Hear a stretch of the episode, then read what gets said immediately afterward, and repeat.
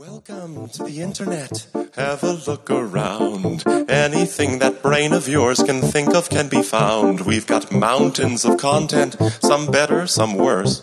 If none of it's of interest to you, you'd be the first. Labas vakaras, o galbūt labas rytas ar laba diena visiems e, klausantiems mūsų.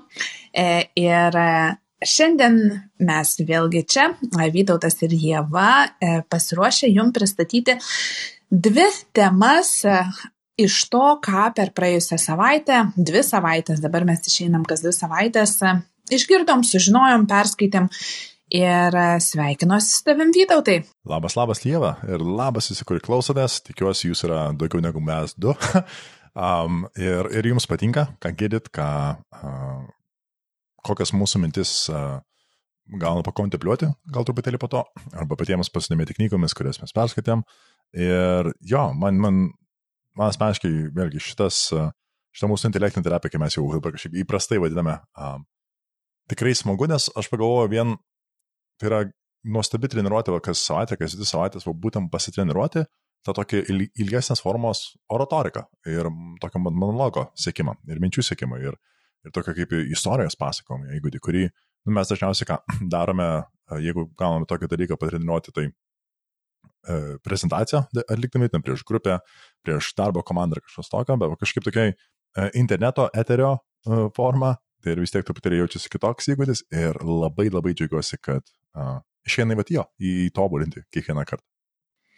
Aš iki šiol savo kaip ir tokio tikslo nekėliau, būtent tobulinti autoritarystės gebėjimus, bet, na, turbūt porą kai kurių epizodų prieš juos paleidžiant į eterį perklausius, kilo tokio noro vidinio daugiau turėti sklandumo ir struktūros, e, tai turbūt dėsiuosi ir aš prie Vytauto ir ne tik turėsiu tikslą įgarsinti tas mintis, tas žinias ar idėjas, kurias išgirdau, tam, kad jas įsiminčiau pati geriau. E, be, ir suprasčiau geriau, e, bet tuo pačiu ir šiek tiek padirbėti sugebėjimu jas išreikšti struktūruotai.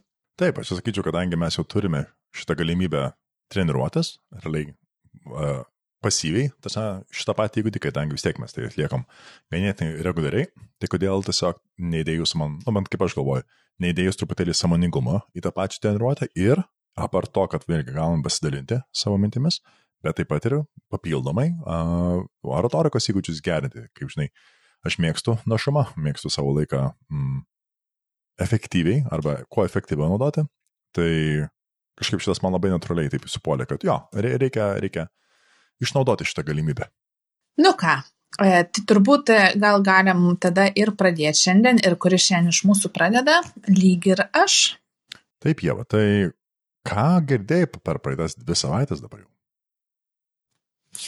E, iš tikrųjų, tai e, prisiminiau e, prieš metus laiko, kaip tik vat, lygiai, lygiai prieš metus mm, parašytą savo Facebook'o įrašą. Ir tai buvo laikas, kuomet mm, tam, kad turėčiau daugiau socializacijos ir bendravimo, karantino metu gyvenau pas tėvus, o dirbti važiuodavau į savo būtą. Ir mm, maždaug iki būto man reikėdavo paeiti apie 20 minučių. Ir e, kad tą laiką kažkaip išnaudoti ne tik ėjimui, e, bet ir dar kažkam įdomesnio, kovos su nuoboduliu, e, pradėjau klausyti podcastų, tinklalaidžių. Ir jų, aišku, būdavo visokių labai įvairiausių. E, bet, e, aišku, tarp jų didžioji dalis būdavo psichologinės, e, bet turbūt tie podcastai, kurie labiausiai įstrigo, tai buvo visiškai su psichologija nieko bendro neturintys, tiesiog užkabindavo kokie nors pavadinimai iš pačių įvairiausių temų. Pavyzdžiui, vienas iš tokių labiausiai įstrigusių tai buvo ilgiau negu valandos pokalbis apie ausų sierą ir kiek galima iš tikrųjų apie šį dalyką esantį kiekvieno iš mūsų e, kūne sužinoti. E, pavyzdžiui, kad jos būna įvairiausių spalvų. E, Jis gali būti raudona, gali būti juoda, aišku, gali būti ir geltona, kuri yra berots pati populiariausia spalva. Jis gali būti skysta, gali būti kieta, gali būti biri. O kaip siera pasirodo mūsų gal net ne tiek ausyse, bet išoriniai ausies daly, kurio mes ten norim kažkaip išvalyti ar pašalinti, pasirodo, kad ją išstumėm iš ausies e, kramtydami ir kalbėdami. Tai tada, kai valgom, kai šnekame su kažkuo, mes padedam tai sierai pasišalinti iš ausų e, ir šiaip su ta pačia siera pasišalina ir visokių mm, tokių mikrošiukšlių e, ir kitokių nešvarumų, kurie vienokiu ar kitų būdu į ausį patenka. Tai va, tai čia toks e, vienas iš e, įdomesnių podcastų, kurį teko klausyti. O didžiausia sankaupa įdomių istorijų, kurią teko išgirsti, buvo National Geography tinklalaidė Overheard. Ir iš, tai yra nuogirdos arba nugirdau. Ir šitas, e, e, šita tinklalaidė, jie mm, pristato tokius trumpus, e, iki paprastai būna apie pusės valandos, 20 minučių epizodus iš įvairių tyrimų, nuotikių, kuriuos patenka ir praeina būtent šio žurnalo darbuotojai. Neretai tai būna fotografų pokalbiai su fotografais, bet taip pat ir su įvairiais e, ekspedicijas darančiais arba įvairiose su gamta, su geografija, biologija susijusiom e, sritim e, dirbančių mokslininkų pokalbiai. Tai va, ir tuo momentu mano tas pirmasis toks e, epizodas, kurį klausiau, vadinosi Journey to the World's e, Southernmost Tree. E, ir tas epizodas buvo, tai kaip ir sako pavadinimas, viru, pavadinimas apie viruką, kuris sugalvojo, kad jam matai reikia surasti patį patį patį piečiausią pasaulio medį. E, ir e, šiaip, nu, toks galvoju, kurių galų to reikia, kodėl žmonės sugalvoja tą daryti. E, bet iš tikrųjų tas visai turi tam tikrą na, pagrindą, nes tas padeda stebėti, kaip keičiasi reljefas, kaip augmenija keičiasi mm, metų metais.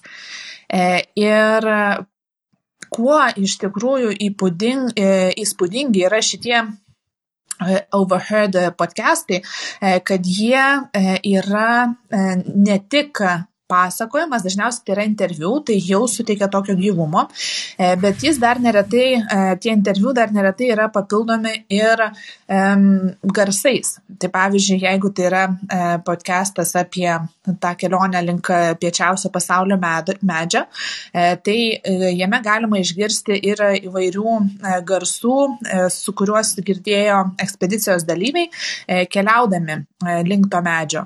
Nuo medžių šlamėjimo, gyvūnų, pokalbių, e, nuotropų mm, prie laužo, kuomet jie visi yra susėdę.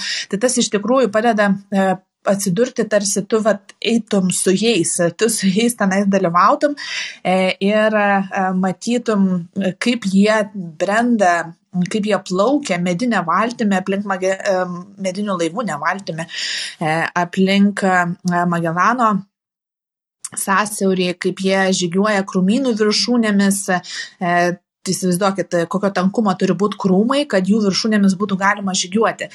Ir kaip ten visi tie krūmai braška, traška ir kartais netgi keliaujančius praryja e, iki pusiaujo.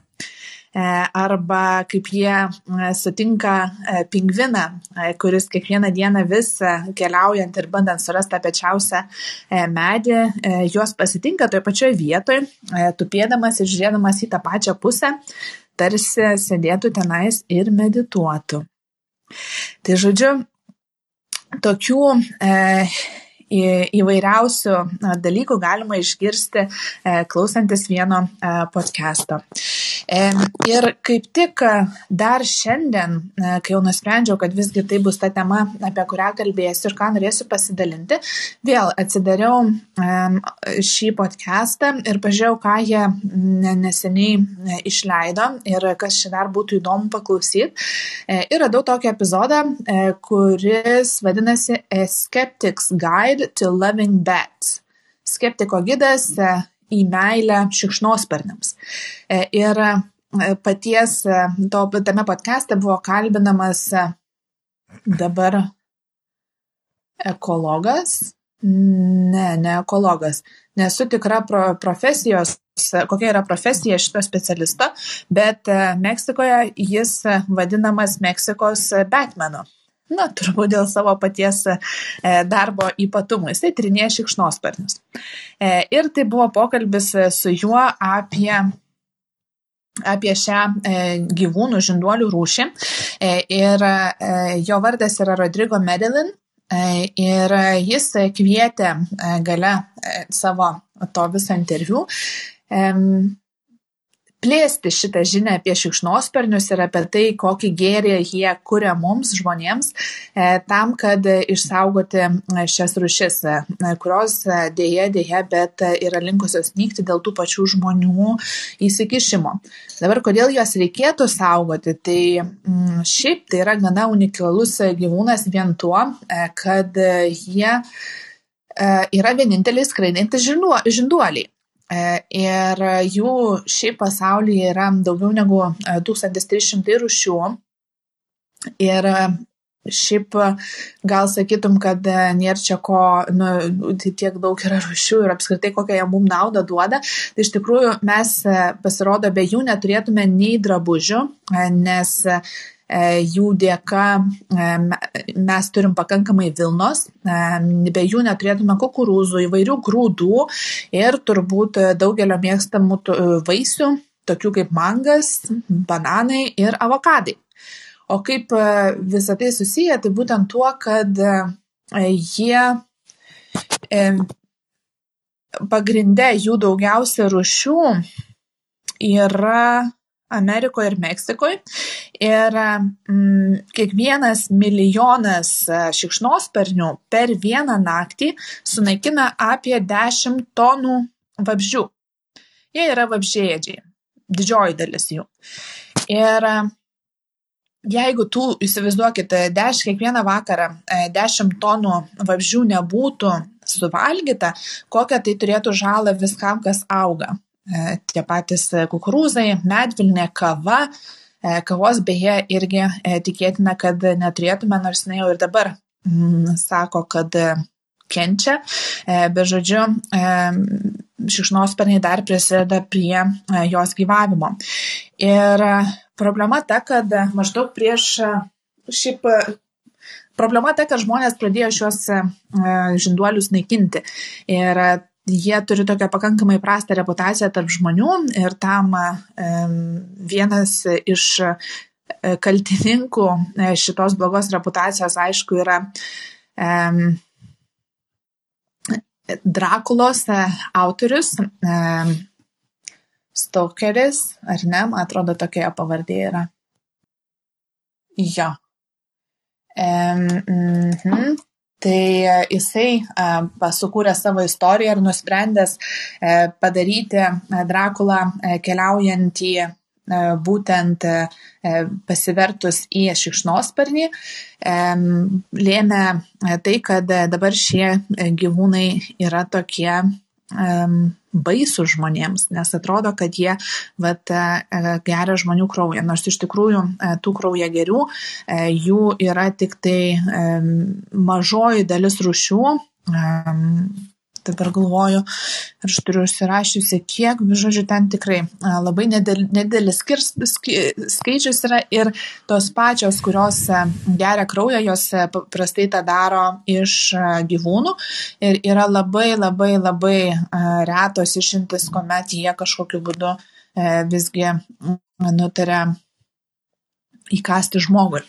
O mm, pati e, pirmoji priežastis, kodėl jie tą turėjo, gavo tokią prastą reputaciją, tai skaičiuoja 500 metų atgal, kuomet vienas konkistadoras e, Amerikoje pamatė, e, žodžiu, jie ten stovyklavo ir pamatė mm, šikšnosparnį, kuris, šikšnosparnius, kurie skrido prie arklių ir prie porą iš jų nutupė ant jo karių ir e, išgėrė, nu, žodžiu, įkando e, tiems kariams.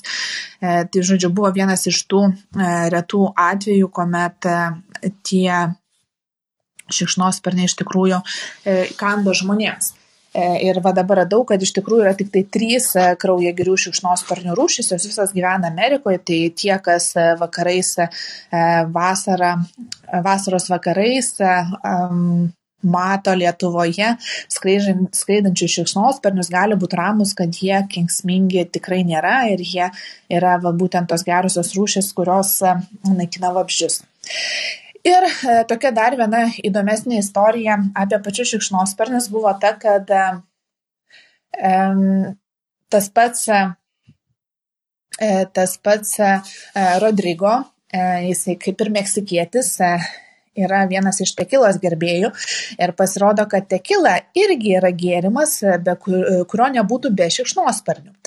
Nes, e, kaip žinoma, tekila yra gaminama iš agavos. Agavo yra toks sukulentas, kuris per visą savo gyvenimą žydi tik vieną kartą. Ir e, tą nektarą e, sukrovus žiedams labai labai mėgsta šikšnosparniai. Ir jie gerdami tą nektarą visi e, aplimpa žiedadulkėmis, kurias paskui išnešioja po kitas agavas ir tokiu būdu platina ir padeda dauginti šiems augalams. Tačiau žmonės, jie, kaip žinia, ting, tingus ir norintys pinigų, tai jam nepakanka, kad augalas duotų vaisius, iš kurių paskui galima gaminti tekilą tik tai kartą per savo gyvenimą. Tai reikia labai daug tų augalų, kad ir labai ilgai laukti, kad čia tos tekilos gauti. E, tai jie pradėjo klonuoti agavas ir tokiu būdu e, didinti, e, galimy, didinti jų gamybą. Bet kas atsitinka, kai yra klonuojami augalai, tai jie yra vienodi. Ir jie tampa, kadangi nėra genetinės įvairovės, jie tampa nebeatsparūs įvairioms lygoms. Ir Tokiu būdu tie patys klonuoti augalai, jie nėra tinkami ir šikšnosparniams. Tai žodžiu, e, tas Rodrygo, jisai norėdamas išgelbinti du dalykus, kuriuos labai mėgsta, šikšnosparnius ir tekilą, e, kreipėsi į tekilos gamintojus, siūlydamas, e, vat, kad čia galbūt reikėtų daugiau investuoti į agavos saugojimą ir natūralų dauginimąsi. Ir taip padėti išlikti šikšnosparniams. Tai jis sako, aš jau tenais du kartus e, ir abu kartus man palinksėjo galva, kokia čia faina, kokia gera istorija, mm, kaip čia įdomu, taip, taip, taip, kaip labai svarbu yra šikšnosparniai ir tada uždarydavo duris ir jokių veiksmų e, nekildavo. Tačiau kas atsitiko 2010 ar 2011 metais, kaip ir buvo numatyta, agavų plantacijas e, užpuolė kažkokios lygos. E, ir tos lygos jos e, sunaikino labai didelę dalį tų plantacijų. Ir kas tada sekė iš to, tai tie patys tekilos, ta, ta pati tekilos gamintojų asociacija kreipėsi į Rodrygo ir sakydami, žiūrėkit, jūs ten man mum kažką ten pasakojot, kad čia va taip kažkaip galima padaryti, kad čia išsaugotas agavas. Nugi E, pasakykit, kokia tenais ta paslaptis, davai darom. Ir e, tada Rodrigas sako, nu, biški per vėlų, bet, nu, ką žinau, bandom kažką padaryti. Ir jis sudarė sandėrį, e, sandėrį kad 5 procentai auginamų agavų kiekvieno ūkininko ūkija yra vat, būtent tos natūraliai augančios, neklonuotos, paliekamos tiem patiems šikšnosparniams ir tuo pačiu jos užtikrina genetinę įvairovę, e, kad tos e, lygos na, neišnaikintų visos agavų e, plantacijos, plantacijų. Tai va, ir tokiu būdu buvo išsaugota, išsaugota tekila kaip gėrimas ir pasirodo dabar einant į prekybos centrus galima netgi ant butelių, kurie yra pagaminti būtent tokiuose plantacijose, tiksliau kurie gaminami iš agavų pagamintose šitose e, šikšnosparniams draugiškose plantacijose, galima rasti atitinkamus ženkliukus, e, kurie rodo, kad vat, e, tai yra tekilas augantis šikšnosparnius. Tai šito anksčiau nežinojau, tai sakiau, kai kitą kartą, jeigu kada nors pirksiu tekilą, tai būtinai pasižiūrėsiu, ar jinai turi tokį ženkliuką. Nežinau, ar Lietuvoje tokių yra. Tai va, tai tokia ta istorija. E, ir kažkaip e, lyg ir pratus esu šitoj tinklalaidai dalintis daugiau psichologinėmis temomis apie žmonės e, temomis, bet kažkaip man pagalvojau, kad norisi kažko šiandien lengvesnio. Ir šita tema, jinai tokia, nu iš tikrųjų, labai įdomu ir apskritai paklausyti, išgirsti apie dalykus, kurie nesusiję su, su, su mano profesija. Ir manau, turbūt kiekvienam žingeidžiam žmogui įdomu sužinoti kažkokių kitokių faktų, kažko iš jo jam įprasto lauko, nes tas ir kūrybiškumui padeda, ir šiaip yra apie ką vakarėliuose pašnekėti, va ir yra su kuo su kitais pasidalinti. Ir šiaip labai labai praskaidrina nuotaiką, ypač kai galbūt, nors dabar aišku, žmonės vis daugiau vėl keliauti gali, bet augant įvairiams skaičiams čia dabar tų tokių kelionių gal irgi ir žiemą gana ribotos galimybės, tai labai labai galima savo praskaitrinti nuotaiką ir pamatyti pasaulį būtent per m, tokius podcastus. Ir e, šitas National Geography podcastas e, Overheard yra nu fantastinė priemonė, nes aišku, aš čia daug dar m, labai ir nepapasakau, ko tenais galima išgirsti, ten yra ir politinių temų apie situacijas Amerikoje, kur, e, na, ar fotografai, e, fotografuojant lankantis tam tikrus mitingus ir renginius papasakoja apie savo tą tokią patyrimą e, tų įvykių arba e, yra, pavyzdžiui, buvo irgi vienas neseniai išleistas epizodas e, apie antikinius instrumentus, kurio gale netgi galima išgirsti ten neatsimenu kiek ar penkių ar dešimties seniausių pasaulio instrumentų e, koncertą, kaip jie kartu skambėtų grodami. Ir ten tikrai instrumentai yra kelių tūkstančių metų senumo, kurie jau dabar aišku yra nenaudojami, e, bet e, kai kurie netgi buvo ilgą laiką nežinoma, kad tai yra muzikos būtent instrumentas, e, bet vat, e, toks Ancient Orchestra, man atrodo, taip vadinasi tas epizodas, e, labai labai irgi e, puikus e, klausalas. Tai va, e, tai tiek e, gyvenimo ir e, pasaulio įvairovės, ko ir norėjusi šiandien šiek tiek įnešti. Tai net nežinau, Vytau, tai galbūt turi kažkokių minčių, įspūdžių, idėjų, savo kažkokį įsimintiną podcastą, kuris tave labiausiai nustebino ir yra nesusijęs su tuo, kuo tu paprastai domiesi. Nu, čia liuks, liuks, liuks. Tikrai. Um, aš dabar čia bendrai pagalvoju apie podcastus, ant kiek jie, um, žinau, čia tikrai ne aš vienintelis tą sakau, kad jie revoliucionuoja, kaip žmonės bendrauja, bet tikrai manyčiau, ne, negalima nuvertinti to, kadangi um, kaip seniau, gal dėl to jaučiasi, kad va, tas standartinis televizija ar panašiai, kaip eteris miršta, nes uh, podcast'e tu turi žmonės, kurie neturi reklaminių pauzių, nu ten būna, kad tas aišku, bet realiai jie bendrauja atvirai, noriai, e, pasakoja apie dalykus tai, kas jiems įdomu ir iš tikrųjų tada gali gauti tokių autentiškų, tikrų dalykų, kur avat, dažnai, kaip dabar bent įsijungiu retkarčiais televiziją, tenka pamatyti, nu, trūksta to, trūksta to autentiškumo, tikrumo. Čia net tokias vat istorijos kaip apie šiknospanį visą pasaulį, arba tą piečiausią medį. Nu, jeigu būtų į televiziją nunešta, tai atrodytų taip, ugh, dar vieną kažkokią ten laidelę, kur ten kažkokią bandomą spiną uždėti jai. Nu ir prarasta visą tikrą žavesį, kurį, manyčiau, tu pajauti ir, manyčiau, kiekvienas žmogus, kuris klausosi, uh, tokios ados tar pajaučia. Tai, tai šitas, sakau, labai, labai patiko ir rezonavo, aišku, man, nes tikrai esu uh, podcast fanas. Um, aš dabar galvoju, kad iš tų, uh, kas kaip podcastų, kurie paliko įspūdį, tai Man jau čia gal pirmasis, kai aš apie David Gogansą e, paklausiau, kai jis buvo pas e, Joe Rogan atėjęs, man tas ten su, su, tiesiog surezonavo milžiniškai su manim ir tiesiog taip gyvenimą biškai pakeitė. Um, bet kitas iš tikrųjų labai įspūdingų buvo apie tą vyrą, uh, kuris um, per Antarktidą perėjo peškom, be, nu, be jokios mechaninės pagalbos. Nes va, ten tai irgi man buvo kažkas uh, wow, kad, kad taip įmanoma, kad uh, nu, Jo, kad, kad taip įmanoma. Reikia kažkom be, be pagalbos, tiesiog eiti ir nueiti ir, ir pasiekti visą tą. Tai, um, jo, net, net, net galvoju, ar, ar buvo kažkas uh, panašaus kaip, kaip tas, kur. Ne, ne, sakant, aš tokia vaikiška gal fantazija, kaip visi įsivaizduojat, kaip, ta, kaip, kaip atnuėdamas pasaulį, kaip, kaip tu galėtum įsivaizduoti, bet kai žmogus pasakoja apie tą neapsakomai didelę kovą, kurią reikia eiti su savim, eitimi ten šimtus kilometrų, uh, um, per visiškai niekumą. Uh, tai tiesiog ta fantazija, lakumas, kuris įsijungia, tai buvo tiesiog jo, nu, sunkiai sutvardomas, gal taip sakysiu.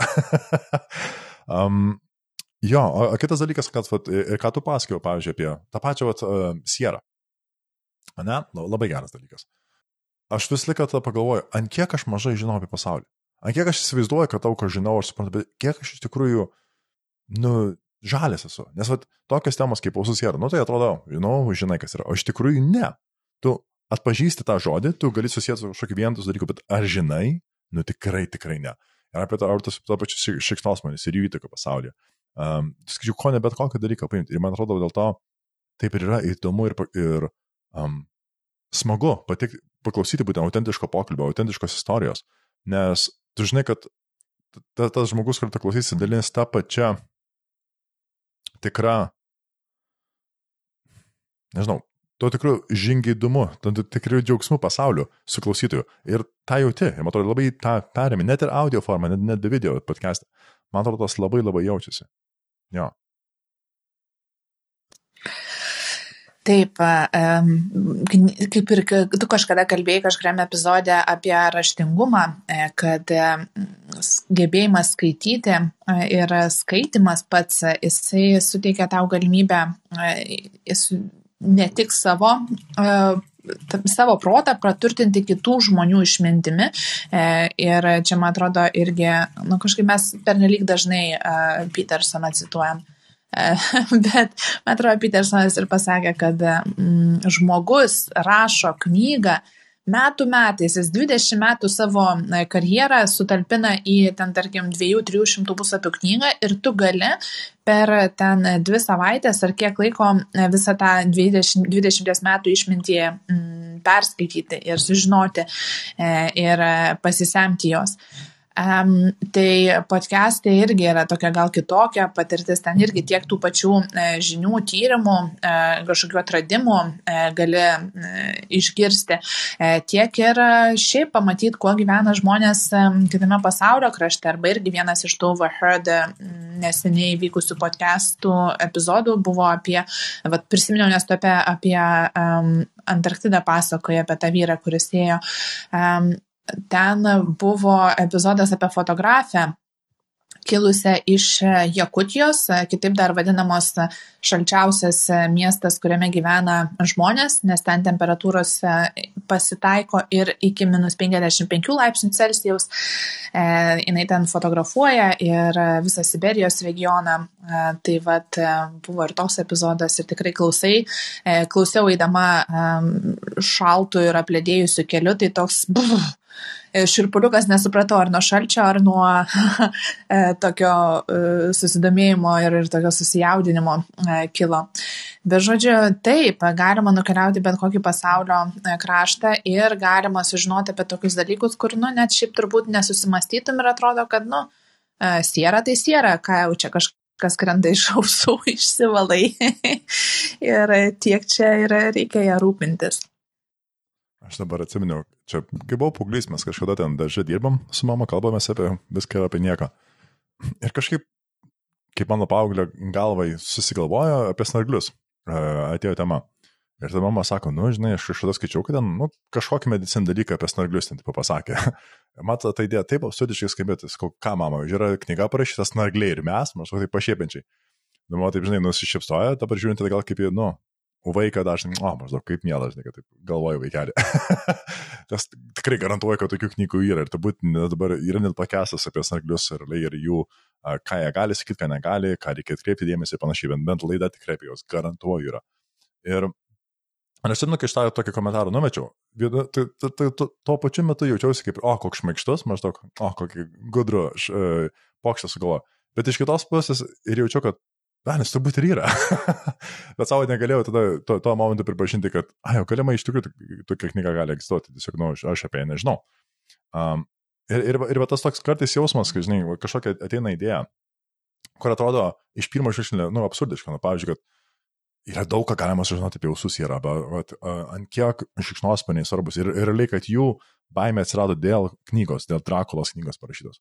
Nu, pradžiai galvoju, nu jo, nu jo, ką dar, Bet, sakau, užtenka kelias sekundės pagalvoti, a, nu jo, iš tikrųjų ten yra kažkas įdomaus.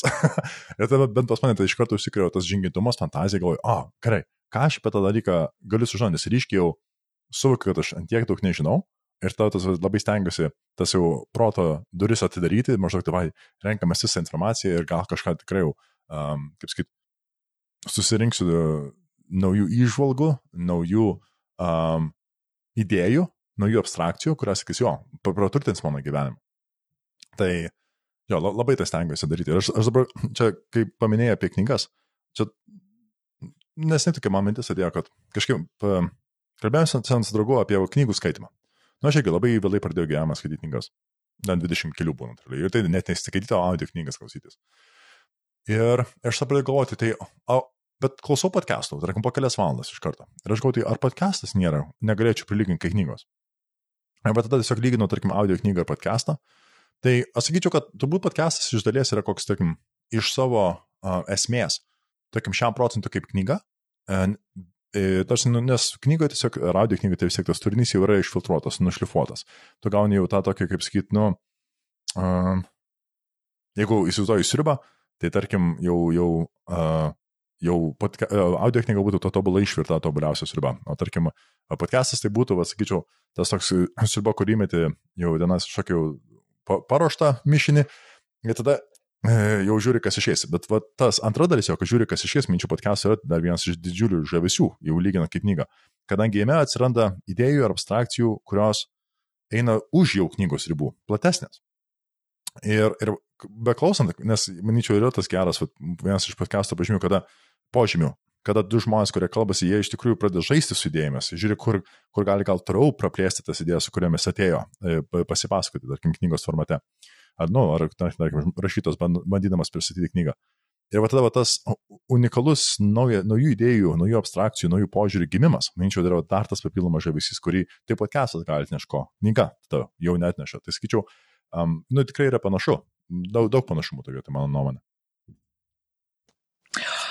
E, Vytautai, o ką tu manai, na nu gerai, yra podcastai, e, čia turbūt yra tam tikrai žmonių, kas ginčytųsi, ar knyga yra tas pats, kas podcastas ir iš ko čia daugiau naudos ir um, tikrai rastum tokių, kurie gintų knygas ir kad čia podcastas niekada jos nepakeis ir aš manau, kad net ir neturi pakeisti, nes tai yra visiškai skirtingi formatai, uh, ir tos, tu tuos pačius skirtumus paminėjai.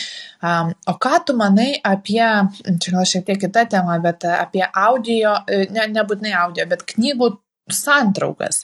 Dabar tam pačiam Audible, kurio abu klausom, e, yra e, galima rasti, yra kažkokia turbūt leidikla, kuri leidžia įvairių um, tų bestsellerių knygų santraukas. Tai ar, kaip manai, tiesiog aš net turbūt pati iki galo neturiu nuomonės, nes reiktų paklausyti knygos santraukos, kurią skaičiau pačią pirmą, pilną. Mm, Ar tai yra užtenka perskaityti santrauką, ar visgi labiau vertėtų visą knygą skaityti? Um, čia turbūt jau niuansai prasideda, nes aš realiai tai irgi ten kažkokios stiprios nuomonės vieną ar kitą pusę neturiu, bet dabar taip mastant ant vietos, man atrodytų, kad pirmą tai labai priklauso, kas tą santrauką daro, kaip tą santrauką daro, kokiu tikslu tą santrauką daro. Ar tas autoris, kuris daro santrauką, iš tikrųjų nori padaryti tą, uh, kaip sakyt, nuoširdžiai stengiasi kuo kokybiškiau atkurti tą esmę, išgauti knygos, ar turi kažkokių kitų intencijų, čia jau, kaip sakyt, sunku tą įvertinti. Aš galvoju, esu va, tą Gulago ir Kipelagą, kur nesnei perklausiau, gruodžio mėnesį. Ten realiai buvo santrauka, bet, bet ta santrauka buvo padaryta jo sunaus, um, Solženicino. Tai kaip ir va iš intencijos jau gali pasitikėti, kad jis stengiasi tą geriausią. Ir kas man labai patiko, kad realiai tose vietose, kuris um, pasakė, kad yra, uh, nu, prašokami skyriai, tai jis vis tiek apibūdino tose skyriuose, kas vyko. Nu, ten, tarkim, kažkokie teisminiai procesai panašiai, kur jo nuomonė ten gal yra ribotas kiekis naudingos informacijos, anot jo, bet, bet jis esmė irgi vis tiek tų, tų skyrių pasakydavo. Tai kažkaip net tos um, sutrumbinas versijos klausydamas, tikrai nesijaučiu, kad kažką praradau. Vis tiek ta knyga man liko, paliko milžinišką įspūdį ir ją, manyčiau, kokio pusmečio dar kartą perklausysiu. Um, o bendrai tai Aš manau, kad yra labai gerai, kad tokie dalykai egzistuoja. Aš kartais mėgstu, tarkim, at, jeigu podcast'ų rašiuosi uh, apie kažkokią knygą norėsiu pasikalbėti, tai YouTube būna žmonės, kurie tiesiog rezimuoja knygą, tarkim, 12 minučių pagrindinius punktus kiekvienas skyrius. Ir tiesiog kaip prisiminimai, tai manyčiau labai labai gerai, kad tokios esmės yra ištraukiamos, tos pamokas, tarkim, įvairių knygų. Um, iš kitos pusės, manyčiau, jeigu ten jau skaitomas kažkoks vienas grandinių tekstų, istorinių klasikos, tai manau, tas uh, turbūt originalus tekstas vis tiek jis, nu, yra pilnas atspindys tai, ką autorius norėjo pertikti. Tai tada jo, galima klausyti, kas yra tas jau, kaip sakyti, mm, teisingasis, kabutėsi cenzuruotas, kuris gali nuspręsti, kas geriau negu autorius, arba ko nereikėjo, ką autorius parašė. Nes čia, jei neklystu Hemingvėjaus, ar, ar man atrodo, čia Hemingvėjaus šitą yra citata, kad e, kai parašai tekstą maždaug, e, trini tol, kur nebegali nieko ištrinti. Ir tada vadinasi, tas tekstas yra geriausiai. Um, tai ir jeigu autorius jau nusprendė, kad ta teksto versija, kuri jau pasiekė knygos formą, yra ta geriausia, tai reikia to pasitikėti. Tada, ir tada logiškai be susikalbūti, bet koks sutrumpinimas yra truputėlį jau atimimas nuo to geriausio kūrinio, kurį autorius ar autorė tuo metu galėjo parašyti. Mhm. E, mes e, prisiminiau kaip tik e, dabar, kad mes su vienu iš draugų diskutavom irgi šitą temą, tai kažkaip pagalvom, kad visai gerai turėti santrauką, tada, kai va, būtent gal tu irgi tą sakai, kad e, kai esi kažkada skaitęs tą knygą ir nori prisiminti, tam tikrus dalykus pamiršai, tai va santrauka gali padėti atgaminti tą informaciją. Tada pagalvojau, kad gal įmanomas yra atvirkščias variantas, kai tu yra kokia nors stora knyga, Vat, e, kad ir kaip tas Gulago archipelagas ir e, tu galvoji, hmm, nu, ar verta ją visą skaityti, ar, ar tikrai verta jinai dėmesio tą knygą, gali perskaityti santrauką ir jeigu santrauka užkabina ir e, tada nori sužinoti daugiau, tai tada gali imti e, visą knygą skaityti. E, aišku, tada yra rizika, kad tinginys paims ir galvosi, ai, nu, perskaičiau santrauką, nieko tenais daugiau gal ir e, kada nors prie progos paskaitysiu visą ir ta proga taip niekada ir neteis. Ir žinai, beje, radau knygą apie snarglius.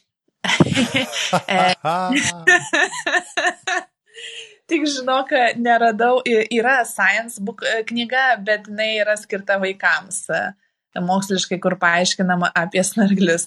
Ir e, labai daug visokių, mm, nu, tikrai jų šiaip tai žiauriai daug yra knygų apie snarglius. Aš nesitikėjau, kad jų tiek yra, bet vaikams jų tikrai nemažai um, prikurta. Ir viena iš tų, kurią pačią pirmą išmeta, e, kuri beje e, Goodreads yra įvertinta 5 iš 5, ji yra apie lovely little snotty family. Mielą mažą snarglių šeiminėlę. Tai va. Klausyk, tai aš manau, kad mes galim šitą linksmą gaidą ir keliauti prie antrosios dalies ir gal tu jau norėtum pats papasakot, ką tu šią savaitę išgirdai. Gerai, nu, tik Tai ne apie snaglius dabar pagalvoju. Jeigu būčiau sugalvojęs apie snaglius, pasakočiau, būtų buvęs tobulas crossoveris, nu bet nieko. Um, į kitą temą tada eisim. Tai šiandien realiai pakalbėsiu apie uh, knygą, bet tarsi apie knygoje gal diskutuojamas idėjas, kurios irgi jau kurį laiką mastau. Nepamenu, gal truputėlį esu ulėtęs uh, ir čia. Um, bet knyga vadinasi The Madness of Crowds. Jie parašė, la, pilnas pavadinimas yra, uh, ajat, iškai reikia pasiruošti. Madness of Crowds jie parašė, uh, tai taip, Douglas Murray, tai pilnas pavadinimas The Madness of Crowds, Gender, Race and Identity. Ir šita knyga 2019 metais yra išleista. Ir realiai joje, skaičiu, gal viena iš pagrindinių aksiomų yra paprasta. Ar tikrai tie argumentai, kuriuos mes girdime visuomenė, ir ypatingai ten šitie yra patikimi iš prizmės LGBT visų klausimų, ir individualiai įmant iš uh, to social justice viso judėjimo, ar tikrai aksiomos, kuriamis tie žmonės ir šitas judėjimas ir ideologija remiasi, ar jie yra logiški. Patraliai paprasta aksioma. Tiesiog panalizuoti argumentų logiškumą iš dalies. Ir um, skaičiu šitą knygą nuostabiai. Aš, pirmą, tai jeigu ten kaž, kažkas tikisi ją skaitinimi gauti atsakymą, tikrai nerasit. Bet vad, kad mm, truputėlį papurtyti savo mąstymo pamatus šiomis temomis, manyčiau, yra tikrai labai naudinga. Nepaisant, kurioje barikadų pusėje esi, ar esi už, ar prieš, ar per vidurį, ar esi radikalus į vieną kitą pusę, manyčiau, susimastyti būtent apie tos argumentus ir jų esmę yra labai labai naudinga. Na tai um, aš ten gal skyrius po skyrių neįsiu, bet ten skaičiau būtent ta esmė yra, kad suprasti, mm, ar, ar pirmą kartą tiesiog klausimas, žinai, ar, ar tose argumentuose, kurie yra patikimi, nėra akivaizdžių susipriešinimų, nu, oksimoronų. Ir dėja, jų ten yra apsčiai daug. Ir ten galima net, net tai jau taip grubiai šnekam nuo pačio pirmojo pradėti yra toks, kad e, nuo uh, žmogaus laisvės judėjimo, kuris vyko ten 50, 60, 70 metais Amerikoje. Nu, ten Martinas Lutheris Kingas jaunesnysis, kaip buvo vienas iš jo tų um, jo pagrindinių aukurų, kuris vedė į... Jis ir savo labai tai žymioj kalboje yra pasakęs, kad I have a dream that my four little children will one day live in a nation where they will not be judged by the color of their skin, but by the content of their character. Lietuviškai būtų, aš turiu svajonę, kad mano keturi maži vaikai vieną dieną gyventų tautoje, kurioje bus įvertinami ne pagal odos spalvą, o pagal charakterio turinį. Ir čia, manyčiau, šitą, vėlgi, šitą citata ir šitas jo pranešimas, kuris buvo tą dieną Vašingtonė perskaitytas, tikrai resonavo su absoliučiai visais. Ir, kaip skaičiu vienas, nu, ir manyčiau, daug žmonių siekia būtent to, kad tas, tas rasės, odos spalvos, tautybės klausimas, jis, ne, nu, turėtų neigiamą, ar ne, ne neigiamą, o nežymę reikšmę, ar kuo mažesnę reikšmę, sprendžiant gyvenime dalykus.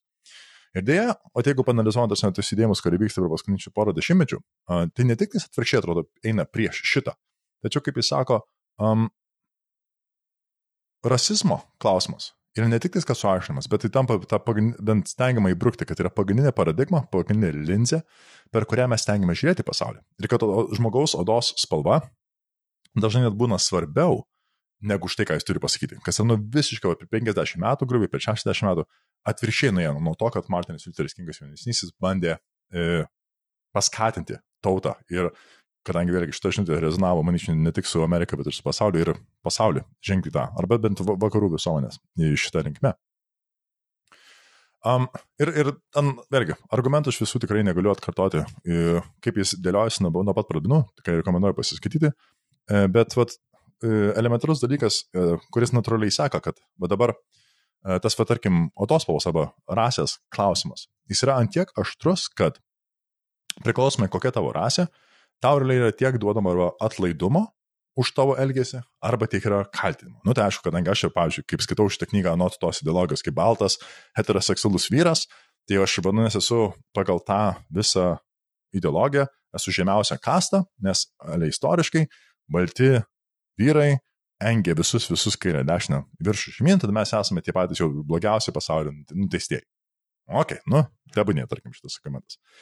Bet tada šito argumento būtent kas vedasi, kad yra egzistuoja kažkokia aukos ir skriaudėjo hierarchija visuomeniai. Nu gerai, čia tada tarkim galima suprasti, kad tokia šitas argumentas.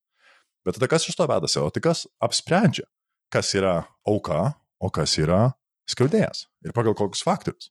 Bet tie aišku faktoriai, kurie parengti, bent šiuo momentu, tai yra rasė, yra lytis, yra orientacija seksualinė irgi. Tačiau šiuo tokie pirmie trys pagrindiniai dalykai. Ir gerai, nu gerai, to atvarko. Na bet tada jau prasideda tas neįmanomas žaidimas, kuris jau vat, pradeda bėrėti visas šitas argumentas.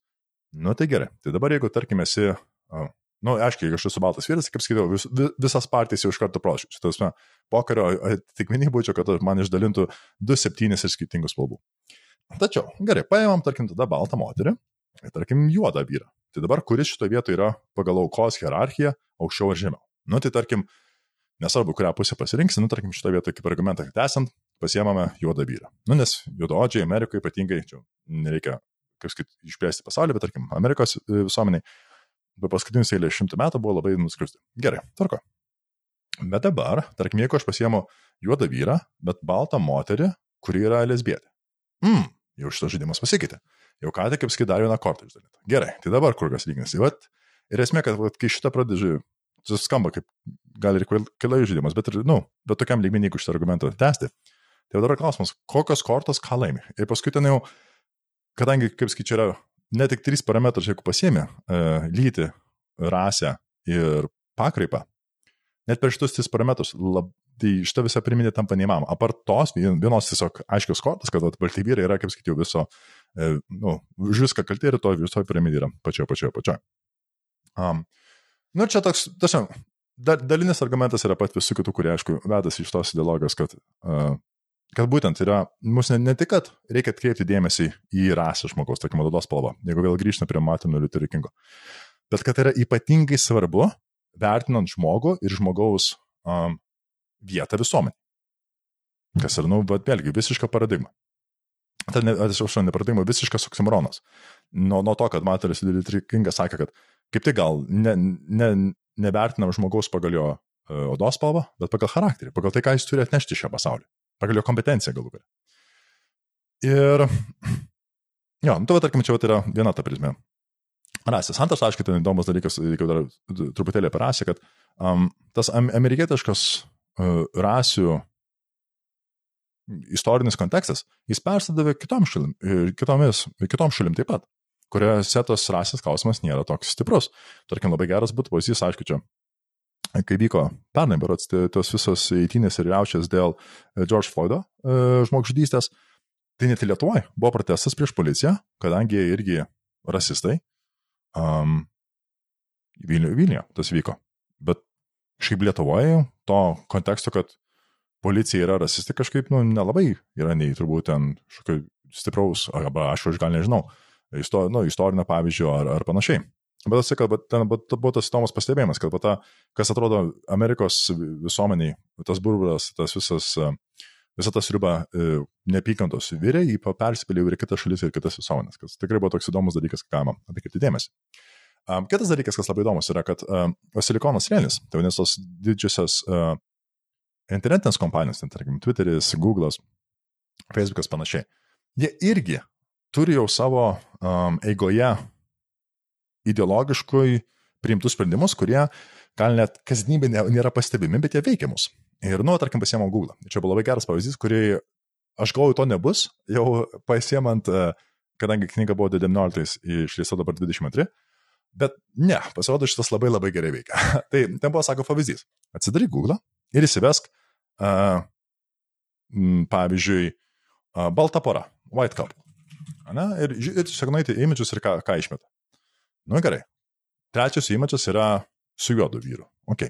Penktas, šeštas irgi jau yra juodas vyras. Ok.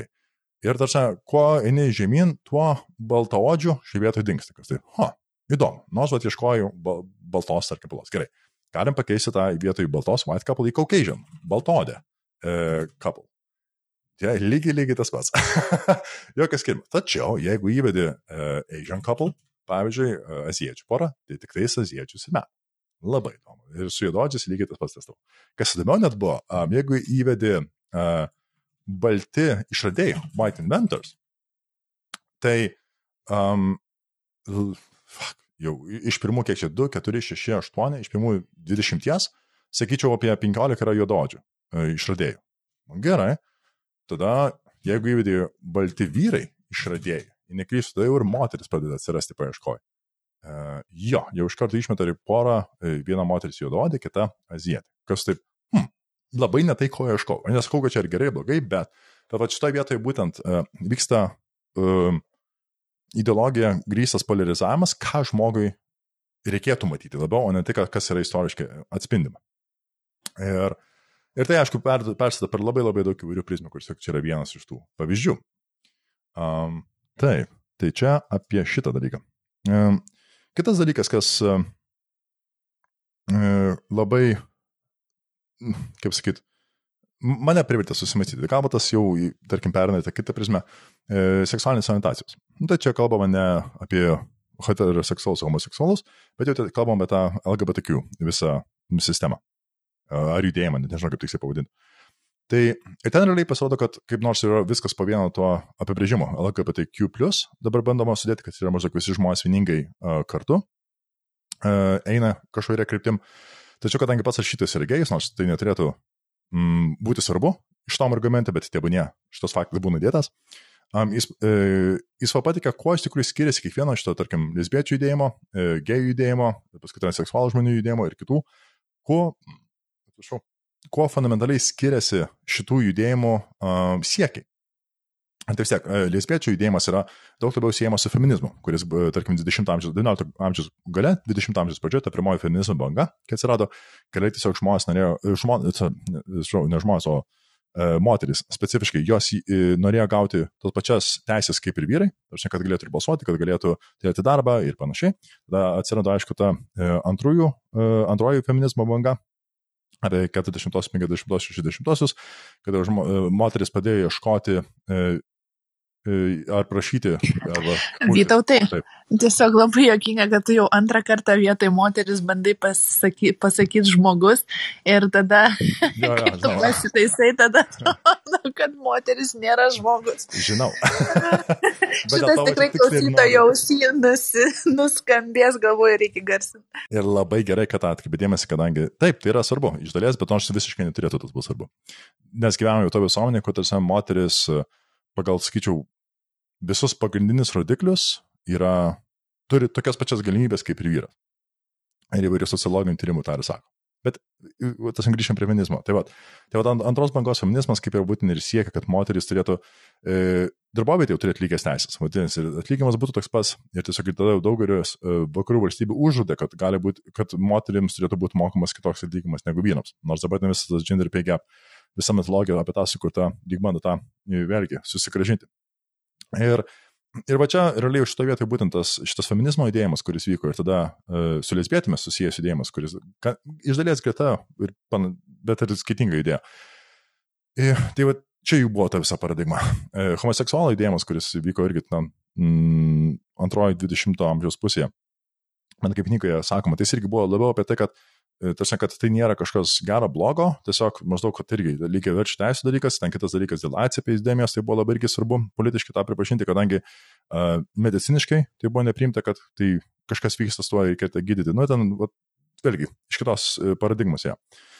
Um, ir tada, ir kur aš, va, ten tarkim, supratau, kad aš nieko nežinau apie šitą sritį, nes irgi buvo labai atsižvelgti tą klausimą, o iš ko, ar mes žinome, kas kaip žmogus tampa gėjimi, nes yra tas argumentas, kad yra gimstama, yra kad tamtama, yra kažkur per vidurį ir panašiai. Ir bent anot informacijos pateiktos knygoje, aiškaus atsakymo nėra. Ir iš vienos pusės tai yra įdomu, kad vis dar nėra aiškaus atsakymo. Antra, tai atrodo, ten gali tai būti, vadinasi, vieni ir kiti gali e, pasimti savo pusę ir būti teisūs, kas irgi tiesa. Bet trečia, kas įdomiau yra, kad vadinasi, kadangi tai yra jautri visuomeniškai e, tema, tai mokslininkai, ar sociologai, ar biologai, ir bet kuri mokslinė sritis, kuri atitinkama būtų tyrinėti šitą klausimą, ji negali to daryti, kadangi bet koks mokslinis tyrimas, e, sakyčiau, turbūt ne sociologiniam lygmenį, jau, jau tikslesniam, būtų neleidžiamas, nes tai per jautrus dalykas. Ir paskui, bet šitas tas pats jau klausimas persidai transseksualų visą e, klausimą, nu, ne transvestito, o transseksualų, nors, nors tai prasidėjo nuo transvestito.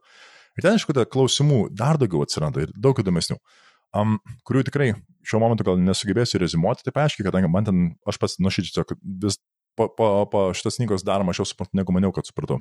Tai, um, bet ten realiai uh, trans viso judėjimo jau ideologija prasideda kitokia, nes jie labai kitokius klausimus užduoda. Nes ten ta klausimas atsiranda ne tai, kad ar, ar aš vyras ar moteris, bet realiai atsiranda va to, kad tas gender atsiranda, kad yra ta socialinė lytis tai yra būtent visuomenės sukurtas konstruktas, tai nėra kažkoks biologinis faktas. Ir jau tada su šitu judėjimu atsirado ta disasociacija tarp žmogaus lyties ir biologinės lyties. Ir bio, kad, ar iš viso, kad lytis yra biologinis faktas.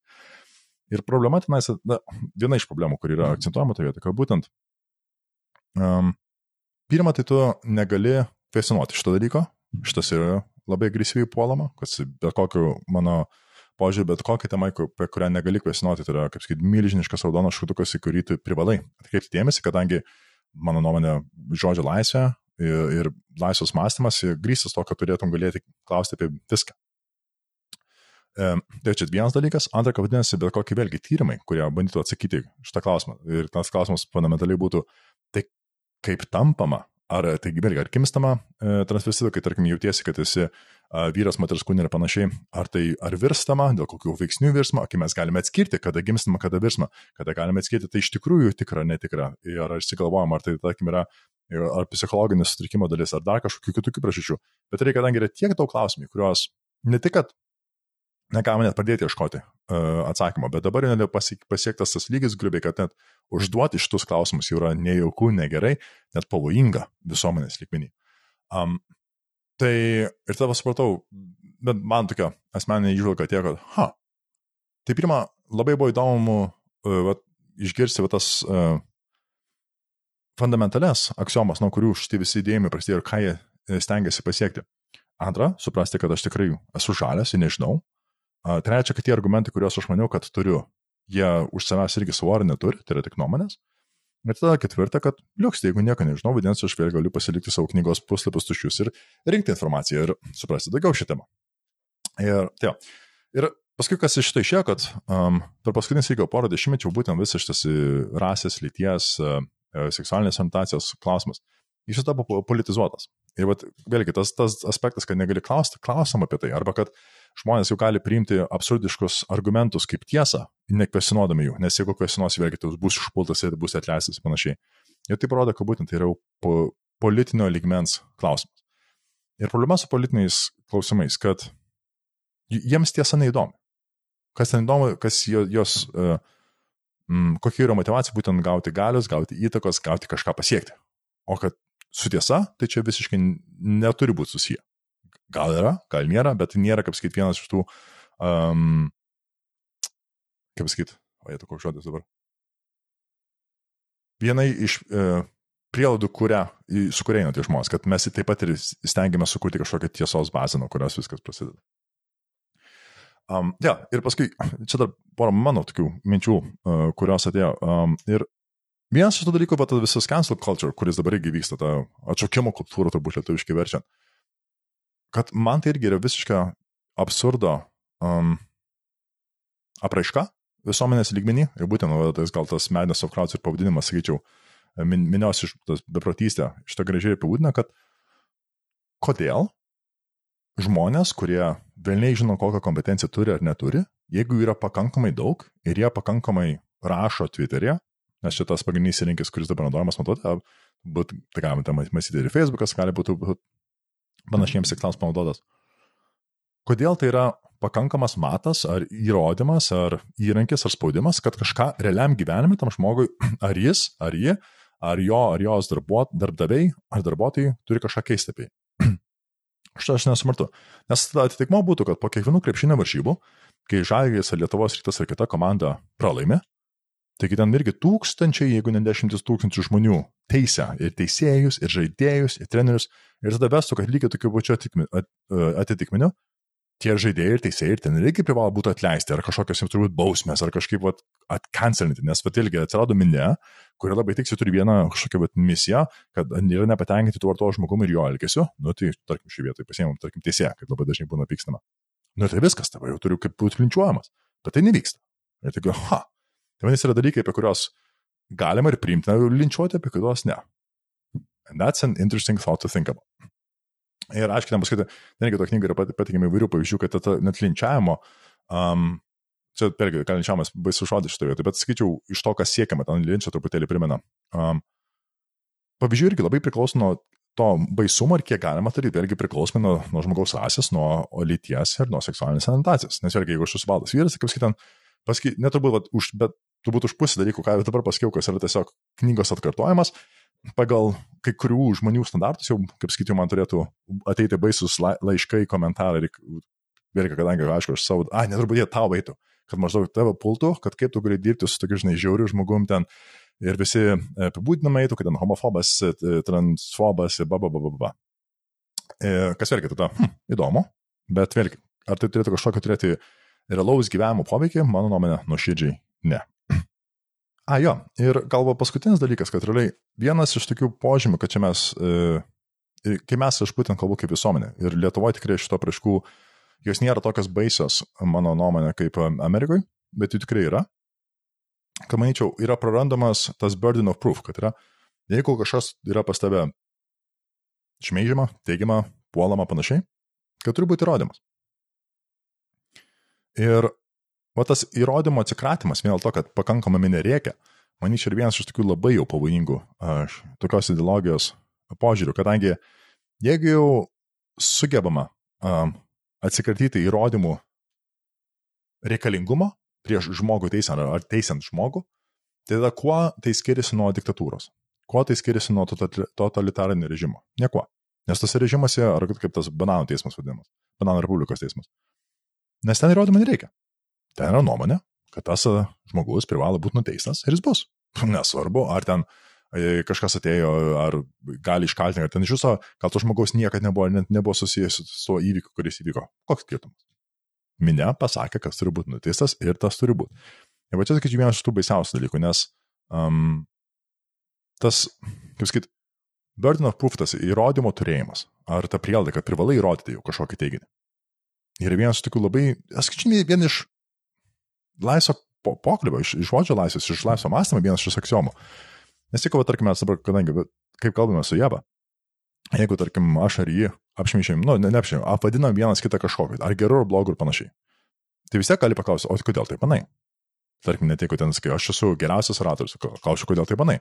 Ir jeigu be jokio įrodymo, tai aš galvoju, hm, nu turbūt gal tas komplimentas toks biškitų šiauduris. Aišku, jeigu pasako, tu esi blogiausias oratorius, koks gydėjai. Ir aš galvoju, tai gal, kodėl taip bandė? Hm, nežinau. Ir tai vėlgi aš galvoju, kad vėlgi gal tada nėra toks pavojingas tas, ar, nu, tas žaidimas nėra toks stiprus. Bet vėlgi, kai atrodo, kad ta minė jau tave užpuola, tai jau tiems jau to įrodymo prašymas jau nebegalio. Kas man, mano galvo tai yra neteisinga. Ir, ir ta visuomenė, kurios mes, mes tikrai labai saugiai, drąsiai, kaip nuostabiai mes gyvename ant to pačiu Lietuvoje, iš tikrųjų, kaip pagalvoju. Tai yra ne, ne tik, kad nerasnu, tai yra absurdas, tai yra tikrai beprotystė. Ir, um, a, jo, jo, tai beprotystė taškas. Ir vienas dalykas, kas irgi dar labai susimašiau, pats asmeniškai reflektuojant, kad aš vis dar pats paslystu ant va to geran, geranoriškumo etiketės, kur yra pateikiama šitiems argumentams. Nes aš irgi, aš noriu, kad žmonės jaustųsi gerai, kad žmonės jaustųsi laisvai, kad žmonės turėtų tas, tas pačias galimybės. Ir aš suprantu, kad aš į tą, kai etiketė tokia yra pateikiama, kad maždaug mes norime, kad visuomenė mes visi būtume priimti, kad turėtume lygias teisės, turėtume lygias galimybės. Žinoma, kas už tai nesutiktų? Ir aš tą pats tikrai, nekart, aš vis dar paslystant šito tikrai etiketės.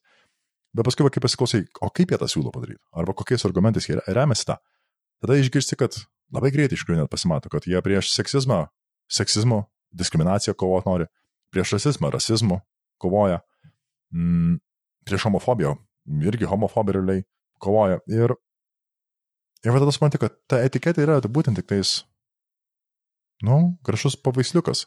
Bet tačiau dėžutės viduje yra, nu, reto lygio be, belnes, kuris ar, ar tyčia, ar netyčia Bet turbūt, tiek dešimtmečių vyksta, tai negali būti netyčia ir ne, neorganizuotas judėjimas, bet tai jau tada yra būtent pavojinga ideologija, kurios um, aksiomos yra pavojingos, jos yra absurdiškos. Jų tikslas yra ne, netaisyti pasaulį, o jį naikinti, jį greuti, kaip tik um, sukurti pasaulyje ežerą, kuri yra grista oksimoronais, ta vadinasi, net pats žmogus nebežino, kaip naviguoti pasaulį, kadangi reikia to pačiu būti ir ir, vis, ir ma, būtent matančių, atkamičių žmogaus odos spalvą, bet to pačiu visiškai ignoruoja tą, kas yra visiškai neįmanoma. Ir, ir va taip jie bando tą, dažnai jie, nes tai ideologijos šalinkai ir bando vat, e, stumti šitą visą į priekį, kas tikrai turi paskui destruktyvių pasiekmių. Tai, jo, tai dar ką dar, noriu priminti, šitą knygą vadinasi Madness of the Crowds, uh, Gender, Race and Identity, rašytojas yra Douglas Murray ir tikrai rekomenduoju. Man tikrai paliko įspūdį ir labai labai nemažai peno pamastymų. Geras, šiaip tikrai vertinga knyga, mm, bet visame tame kontekste, kuriame mes šiuo metu gyvenam. Ir mm, Aš pati nesigilinau tiek vat, į tas visas šitas temas, tas neligybės, turbūt taip būtų galima apibendrintai sakyti. Um, man taip klausantis gal vienas, viena, keletas minčių kilo, bet viena iš jų yra, kad galbūt gali būti, kad hmm, dėl ko vat, atsiranda visas šitas toks atrodo, kad mes iš vienos nely, naikindami vieną neligybę sukuriam kitą neligybę. Aš turiu minti, tarkim, tą patį rasizmą, kad kovodami su, e, norėdami, kad e, e, juododžiai turėtų lygesnės teisės e, su baltaodžiais, tai mes kažkaip tada perinam prie balto. Dabar galvoju, ar pabaigtas sakinį, ar nepabaigtas sakinį. Laisva, laisva Lietuva, žodžio laisvė tikrai gali pabaigti. Prie uh, baltaodžių, nu, net, net baltaodžių turbūt ne diskriminacijos, bet tokio Mm.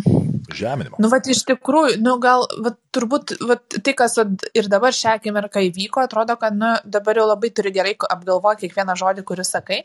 Ir dar gerai, nu, Lietuvoje mes, mm, gal laisviau dar galim tai žodžiai žastytis, e, kas turbūt kur kas yra sunkiau neturbūt tikrai kur kas sunkiau būtų Amerikoje. E, ir čia tą sakau tikrai nesu intencija sakyti, kad juododžių teisė, juododžiai turi daugiau teisių e, negu kad baltodžiai, bet gal, nu labiau, kad tas pats...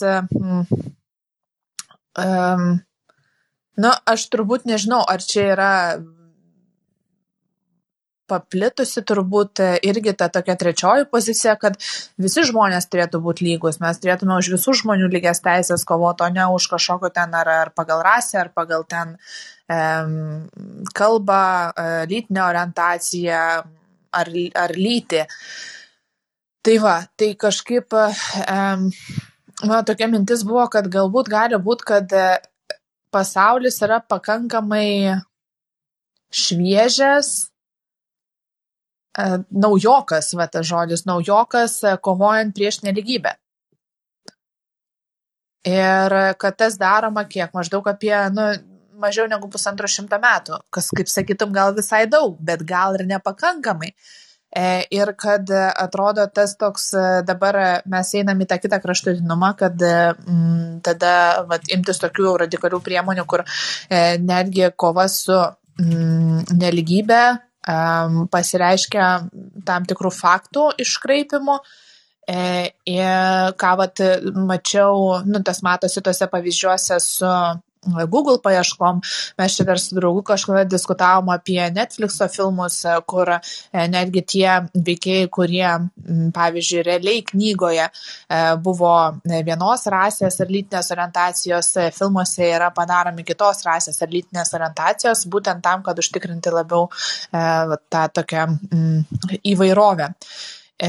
Tai va, ir kas nežinau, gal tam tikrą prasme tas turi tokį po, pozityvų poveikį turbūt, nes tai, ką mes daugiau matome, ta, tas yra normalizuojama. Um, Na, nu, bet čia va turbūt aš taip įsivaizduoju, kad ta knyga, apie kurią tu pasakoji ir nagrinėja tos visus tokius argumentus už ir prieš ir e, kokie yra kiekvienos iš, tos, ta, iš tų strategijų plus ir minusai. Tai va, bet gal galima galvoti, na, nu, aš taip įsivaizduoju, kad žiūrint į trajektoriją, kur toliau tas e, kova su neligybė e, judės, e, tai turbūt dar mes ne vieną kraštutinumą pasieksime, bet galbūt visgi e, galiausiai tas turėtų prasimušti į visai kalbėjimą apie na, lygybę tarp žmonių, negu kad kažkurios grupės žmonių sulyginimas su kitomis grupėmis, kas automatiškai nu, pasmerkta turbūt klaidoms dėl to, kad nėra aiškių kriterijų, kada jau reikėtų sustoti ir lyginti, ar ne? Ir tom, e, kokios yra tos priemonės lyginimo, kurios nedarytų žalos tai grupiai, su kuria bandoma sulyginti. Um, ir tada man dar vienas toks uh, kyla klausimas, ir nežinau, gal toj knygoje kažką rašė, ar Azijoje egzistuoja rasizmas ar ne.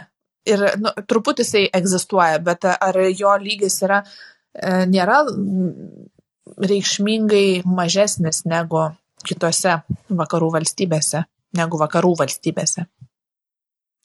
Apie Aziją tai nieko neminėta, kadangi ten yra analizuota Anglija ir Amerika, kadangi pats autorius iš Anglijos, jis gyvenęs Amerikoje, tai į tą kontekstą paėmęs. Ir skaičiu tas social justice, e, visas judėjimas būtent ir tose valstybėse kol kas yra opiausias. Tai apie Aziją tikrai ne. Bet ten, aišku, vienas paprastas argumentas, kad ten Kinė tikrai yra, ar skaitysiu rasistiniai, ar religinė, bet tas e, genocidas, kuris dabar vyksta. E, kaip ir vienas iš pavyzdžių, kad ten nėra taip viskas gražu ir faina. Um, kitas dalykas, kad, at, uh, kaip paminėjau apie tas, at, žinai, neligybės ribas. Tai pirmas, aišku, klausimas, at, ko aš nesupratau. Iki nekvesinavau gal, kad, sako, yra, yra teigiama, kad egzistuoja neligybė. Remiantis kuom? Tai va dažnai šito vietoj ir subyra. Šitas klausimas. Nes yra lik priimta, kad tai yra aksioma dabartinės visuomenės. Ir lyg visi, nes mes ale intuityviai jaučiam, kad lygtais taip ir yra. Bet, vat, jeigu paklausant tai, apie ką mes tik išnekam, dažnai vat, ir pradeda daryti. Aišku, tai yra vienas tas labai žymus um, e, iškarpa iš, irgi, vėlgi, Petersono um, interviu GQ su moterim, kuris sako, kad mes gyvename uh, vyrų dominuojantį patriarchiją. Čia tas vienas irgi iš konstruktų, kuris šitos ideologijos yra propaguojamas. Ir jis klausė, kaip jūs sako, kad mes gyvename tai patriarchai. Nu, ir jis sako, kad va, didžioji dauguma e, kapitalo yra vyrų rankose, didžioji dauguma e, kompanijų vadovų yra vyrai, e, to vienas tam procentas e, turtingiausių žmonių yra vyrai kažkas tokio. Ir jis sako, ne, tai ką tu paėmė, tai paėmė labai labai mažą kiekį visų vyrų iš visuomenės, kurie yra hiperaktyvūs, hipersėkmingi ir primeti, kad va, dėl jų visa visuomenė tai feikia. Nes sako, o tai, o tai ką apie vyrus, kad ten, tarkim, šitas atsitiko, kad didžioji dauguma e, žmonių, kurie nusižudo, yra vyrai. Didžioji dauguma žmonių, kurie yra sėdi kalėjime, yra vyrai. Didžioji dauguma žmonių, kurie e, miršta kare, yra vyrai. Didžioji dauguma žmonių, kurie benamiai, yra vyrai ir panašiai. Ir sako, ir klausimas, klausimas, o tai kur va tas tikra ta dominancija, ta patriarchija, kurią bandoma teikti. Na, nu, va čia, kaip skaito, toks atsvaras yra. Um, Jo, ir, ir kitas dalykas, kaip sakai, žinai, kad ar tas e, realiai kvotų, ta sistema. Aš sakai, kad gal ir gerai nesnormalizuoja. Bet ten problema yra, kad nėra apibriešta, kada bus pakankama. O nėra ribų, ko mes siekiam. Nes va, tai, tas irgi, va, ko, ko mes sieksim, tai yra lygios visuomenės. O kaip jie atrodo? Ir va tas nėra apibriešta. Ir va čia kaip sakyti, dėl to irgi tas vienas iš absurdiškų dalykų, nesakoma, maždaug mums reikia keisti tai, ką mes dabar turime, kažkokia kryptim, kuri nėra apibriešta. Ir vėlgi, kaip sakyti, bet koks jau žemėlapis tai nėra ypatingai geras. Ir šiaip bendrai ta kvotų sistema yra, mano, mano nuomonė, labai pavojinga, ypatingai įmant um, sritis, kuriuose tu turėtum tiesiog rinkti žmogų kompetenciją. Dažnai ir nežinau, kodėl tarp aktorių tas pats negalioja, nes, nu, aktoriai irgi, vieni yra geresni, kiti blogesni, kiti labiau dirba, kiti mažiau dirba to. Yra kompetitingi, kiti mažiau kompetitingi. Ir atrodo, kad tu roliai norėtum pasirinkti žmogų, kuris kompetentingiausiai tinka tai roliai. Tarp mokslininkų lygiai tas pats, tarp bet kurio darbo, tarp santechnikų. Tugi nori, kad pas tavę atvažiuotų santechnikas, kuris taisytų tavo vamzdžius geriausiai mokantis, o ne tas, kuris pagal kvotą pasamdytas, kuris gal niekada nėra vamzdžio laikas ar rakto gyvenime. Nu, va, tiek dalykų. Ir va tas, kad, kad tikrai vyksta aukojimas kompetencijos vardan šitų kvotų, um, ir tą universitetą aš jau mačiau pats dirbant, tik tada aš gal to pats kažkaip netkreipiu dėmesio, tai yra absurdų absurdas jeigu mes siekiame, ypatingai universitetas, kadangi universiteto tikslas ir yra, ką? Plėsti žinias. O kaip tu plėti žinias? Paimant žmonės, kurie kompetitingiausi, žingeidžiausi, turint aukščiausias kvalifikacijas, žinias platinti ir jos, jiems duoti sąlygas tą daryti. Ir šito vietoj, va, tokios kaip ir primestos kvotos pagal odos spalvą, pagal lytį, pagal tautinę mažumą, nu, aš nematau, kaip jos naudą gali nešti ilgainiui. Ir tiesiog argumentų, tiesiog aš jų nežinau. Bet aš, aš žinau, pats asmeniškai buvau tą priemęs, kad o kaip čia būtų gerai, kad daugiau įvairių tautų, įvairių lyčių panašiai būtų žmonių, bet tada, bet visiškai va to vietai būtent tenka paukoti va tą kompetencijos siekį ir norą turėti savo tarpę. Ir ar kitas dalykas irgi, va, e, to knygų paminėtas, kad jeigu išnekame ten, tarkim, tą neligybę iš atlyginimų, tai sako, jau bent kaip teigiama, aš ne, nepasitikrinau, e, tai ką, ką bet tai klaidinga, bet manyčiau, tai, teisinga čia. Kad tyrimas yra parodyta, kad tie žmonės, kurie yra labiau agreeable, kurie labiau pataikus turbūt, su, Sutariami. Sutarimi, Sutariamumas yra. Jo, kurie turi aukštesnį sutarimumą lyginant su tie, kurie mažiau sutarimi, jie gauna mažesnį atlyginimą. Ir šita atskirtis yra įrodyta. Tai sako, tai kodėl mes tada šitos neligybės priemų, kurią apčiuopama, aiškiai matoma ir kaip, kaip, kaip įkalinti žmonės, kurie sutarimi, kad jie galėtų išsikovoti savo didesnį atlyginimą. Va čia būtų aiškiai kova, kurią tu galėjai kovoti ir apčiuopiama ir tikslų siekiai, nes gali, e, atlyginimas yra aiškus matas, kurį matuoji savo progresą.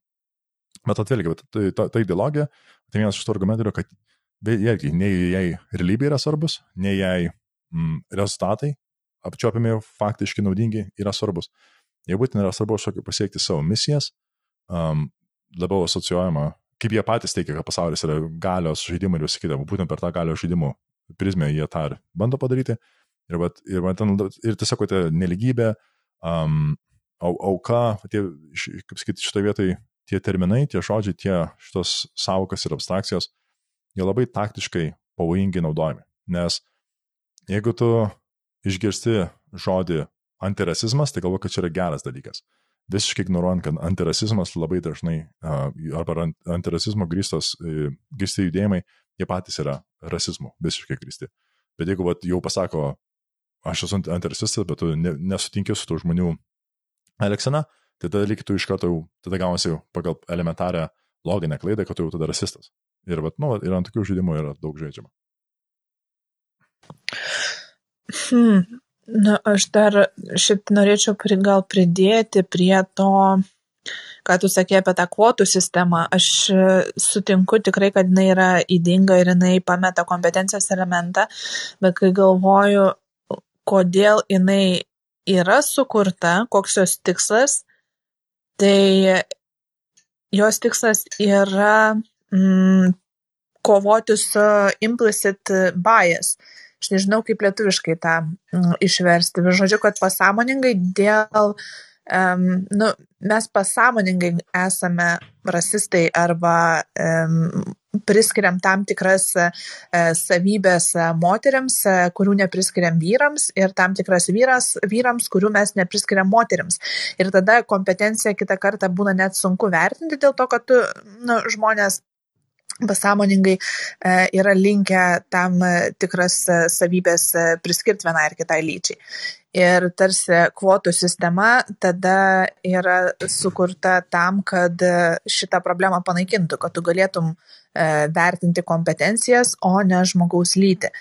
Tai um, vat Amerikoje ta problema galbūt jinai gali būti išspręsta vien to, kad ten nesimato iš pavardės ir vardo, kokia yra žmogaus lytis.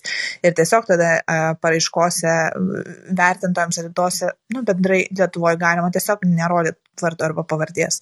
Pirmas kandidatas, antras, trečias, ketvirtas kandidatas. Bet tai va, nu aš tą norėjau pridėti, kad tas rasizmas arba diskriminacija vienu ar kitu pagrindu, kitų kažkokiu pagrindu, jinai yra dalinai nesąmoninga.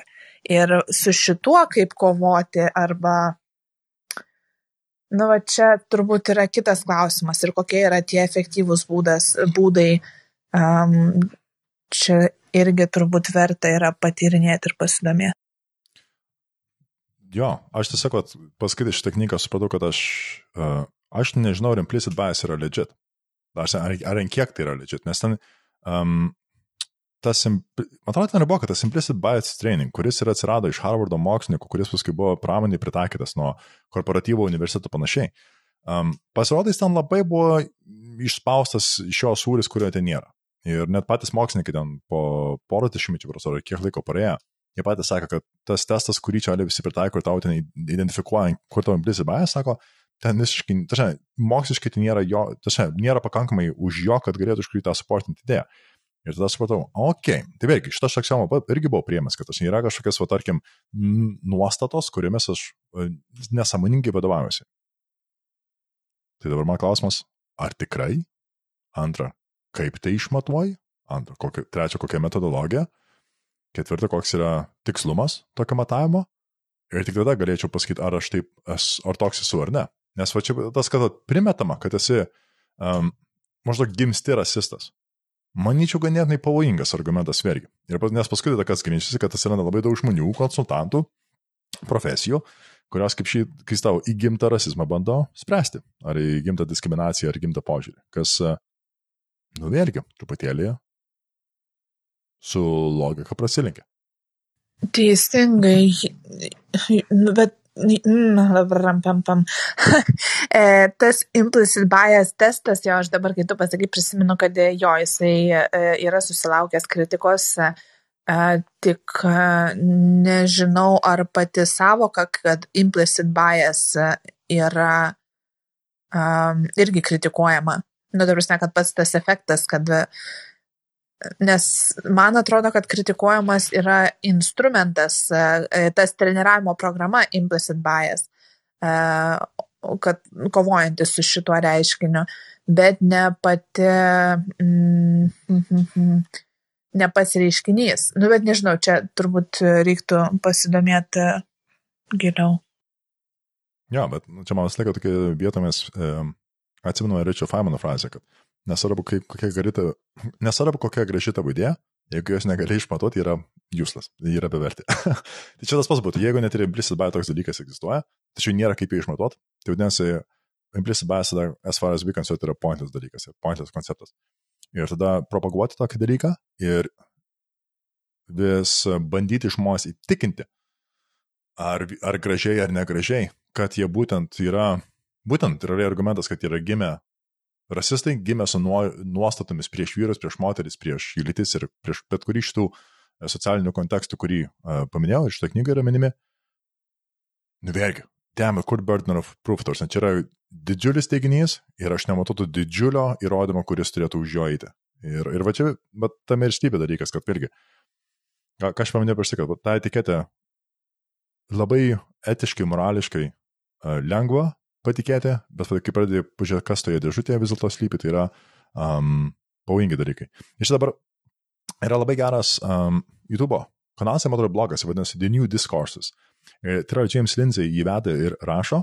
Ir jis dažnai žymus dėl to, kad jis ten su koleg kolegomis ir realiai e, parašė tos kelis mokslinius straipsnius, absurdiškus, visiškus, e, ten apie um, velnis dabar bandau atsiminti. Dan ir realiai parodė, kad ten sociologijos, kuriuose žurnaluose yra visiškas absurdas, būtent ideologiškai varomi dalykai, nes vienas iš pavyzdžių buvo, kai realiai paėmė iš Mein Kampf e, Hitlerio knygos į, į ištraukas, juose tik pakeitė žydus, berots, uh, baltais vyrais ir tarsi tas straipsnis ne tik, kad buvo priimtas, jis gavo apdovanojimą tų metų kaip geriausias straipsnis.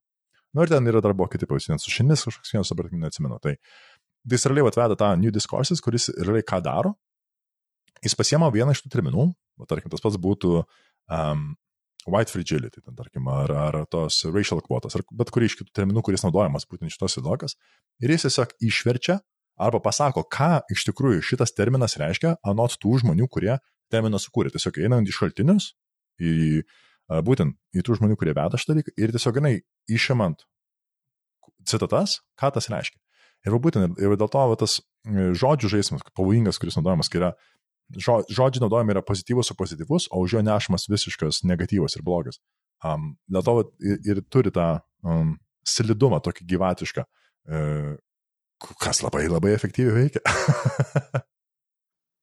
mm. Nu, apskritai socialinių mokslų, humanitarinių mokslų pasaulyje e, vis e, kas pen, ne veltui mūsų žinios yra kažkur e, tikima jomis iki penkių metų ir po to jas reikia iš naujo testuoti, nes keičiasi kultūros, keičiasi tyrimų metodai ir gali paaiškėti labai greitai, kad tai, kas buvo tiesa prieš penkis metus, dabar jau nebėra tiesa. Tai, hmm, nu, jo, aš to, tokią išvadą pasidariau dabar iš to, vat, ką dabar kalbėjome apie implicit bias. Jo, aš sakyčiau, vat, tas vat, grįžtant, rezimuojant, tiesiog, vat, čia kažkurio mūsų laidoje tą patį sakiau, žinai. Jeigu negali kvestionuoti kažkokios idėjos, jau tai turi būti šauktukas. Ar tai tyčia, netyčia tas yra slepiama, ar kodėl tas slepiama, ar vėl bandyti bent suprasti, kodėl neleidžiama to kvestionuoti kažko, kai gyveni visuomenė, kurioje žodžio laisvė.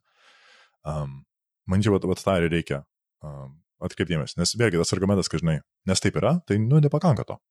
Vėlgi, ypatingai tokiams, nu, tai fundamentaliai stipriems teiginiams, kaip, vat, kad gimė rasistas. Taip, nu tai įrodyk, nes tu toks esi. Hm, ok, nu nelabai ne sutampa teiginio svoris ir tavo, žinai, įrodymo svoris. Tai um, ir tas jo antras dalykas irgi, ką aš ką primenu, kad vat, jeigu yra teorija, nepaisant kokia yra gera, jeigu negali protestuoti, yra bevertė. Ir čia aš gal kaip fizikas mąstau, gal kaip pragmatiškai šitą vietą, bet tai yra logiškiausia. Nes iš kito pasitas skaičiu, gal net ir tai sėtasi su tuo, vat, kaip sakai, jeigu kas, nes aš taip pirmą kartą girdžiu, kad kas penkis metus reikia vėl protestuoti idėjas sociologinėse ar humanitarėse mokymuose. Bet čia gal iš tas tas ir esmė, kad jeigu tai yra idėjos patiktos, kurios nebuvo ištestuotos arba ne, negalima protestuoti antrą kartą, nu tai vėlgi kiek jos iš tikrųjų svorio už savęs turi, apart to kažkokio tokio vėlgi ideologinio ar noro, ar motivacijos, ar politinio žaidimo, ar PR, o kiek iš tikrųjų šiaurės vat, mokslinio svorio turi.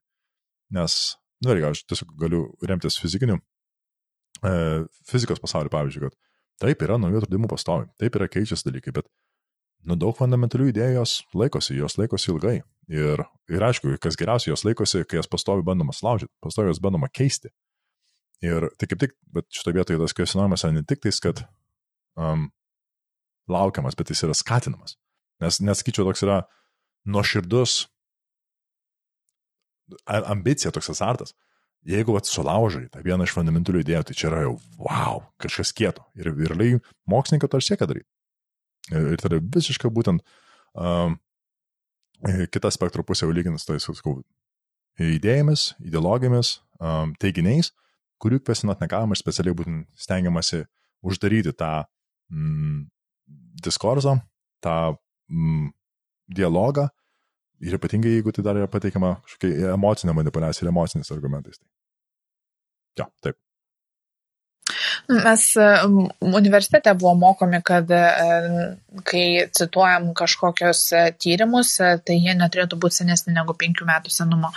Ir buvo čia neseniai visai pernai metais, man atrodo, išėjęs išėjusi kritika Daniel Kahnemano ir Tverskio knygos Thinking Fast and Slow, už kurią jie gavo Nobelio premiją kad e, dauguma tų tyrimų, kurie ten buvo aprašyti, juos e, pakartojusi, jie nesusilaukė tokio, um, tokių pačių rezultatų, e, kaip kad patys autoriai tvirtino, bet tas atsitiko nu, ne dėl to, kad autoriai melavo, bet dėl to, kad ar falsifikavo duomenis, bet tiesiog dėl to, kad pasikeitė kultūra, tyrimo metodai. Tai, tai va. Jo, bet jei neklystu, ta knyga ne, ne prieš penkis metus buvo išleista Nobelio premija, ne? E, knyga prieš e, biškai daugiau negu dešimt metų. O Nobelio premija irgi? O Nobelio premija nežinau. Reiktų pasitikslinti. Nu tai ką tada? Manyčiau, bet mintis tokios, man tikrai skau, šitą knygą patiko, tikrai rekomenduoju. Aš skaičiau, man ko, ko smagiausias vienas iš jos tų um, aspektų ir buvo, kad ji kviečia pakvesionuoti savo idėjas, savo prielaidas, savo aksiomas ir, ir pamastyti gal būtent iš prizmės, apie kurią dar neteko pagalvoti. Tai um, ir ypatingai, kadangi vėlgi pasirodo mes nuo šito judėjimo net ir Lietuvoje negebėsime atsikartyti, tai tada tiesiog reikia jau ką - edukuotis, suprasti, mąstyti ir tai padės žengiant į priekį. Mm. Tai e, pažiūrėjau, Nobelio premiją gavo met, metais po knygos išleidimo, tai knyga išleista e, 2001. Oi, tai tada palauk. Um, ne, pakaž... E, Nobelio premiją gavo 2002 metais, o knygą išleido uh, e, 2011 metais. Jo, šitai buvo. Tai jo, tai ačiū tau, Vytautai, tikrai labai už tai, kad pasidalinai mm, šita knyga papasakoja apie ją ir tikrai, tikrai visi, kurios domina e, šitos e, temos, e, kuriem jos yra artimos, nu, manau, praplėstų savo ir argumentavimą, ir um, požiūrio kampą um, ją paskaitę. Tai ačiū tau, ačiū klausytojams ir tikiuosi, kad išnešėt minčių, idėjų.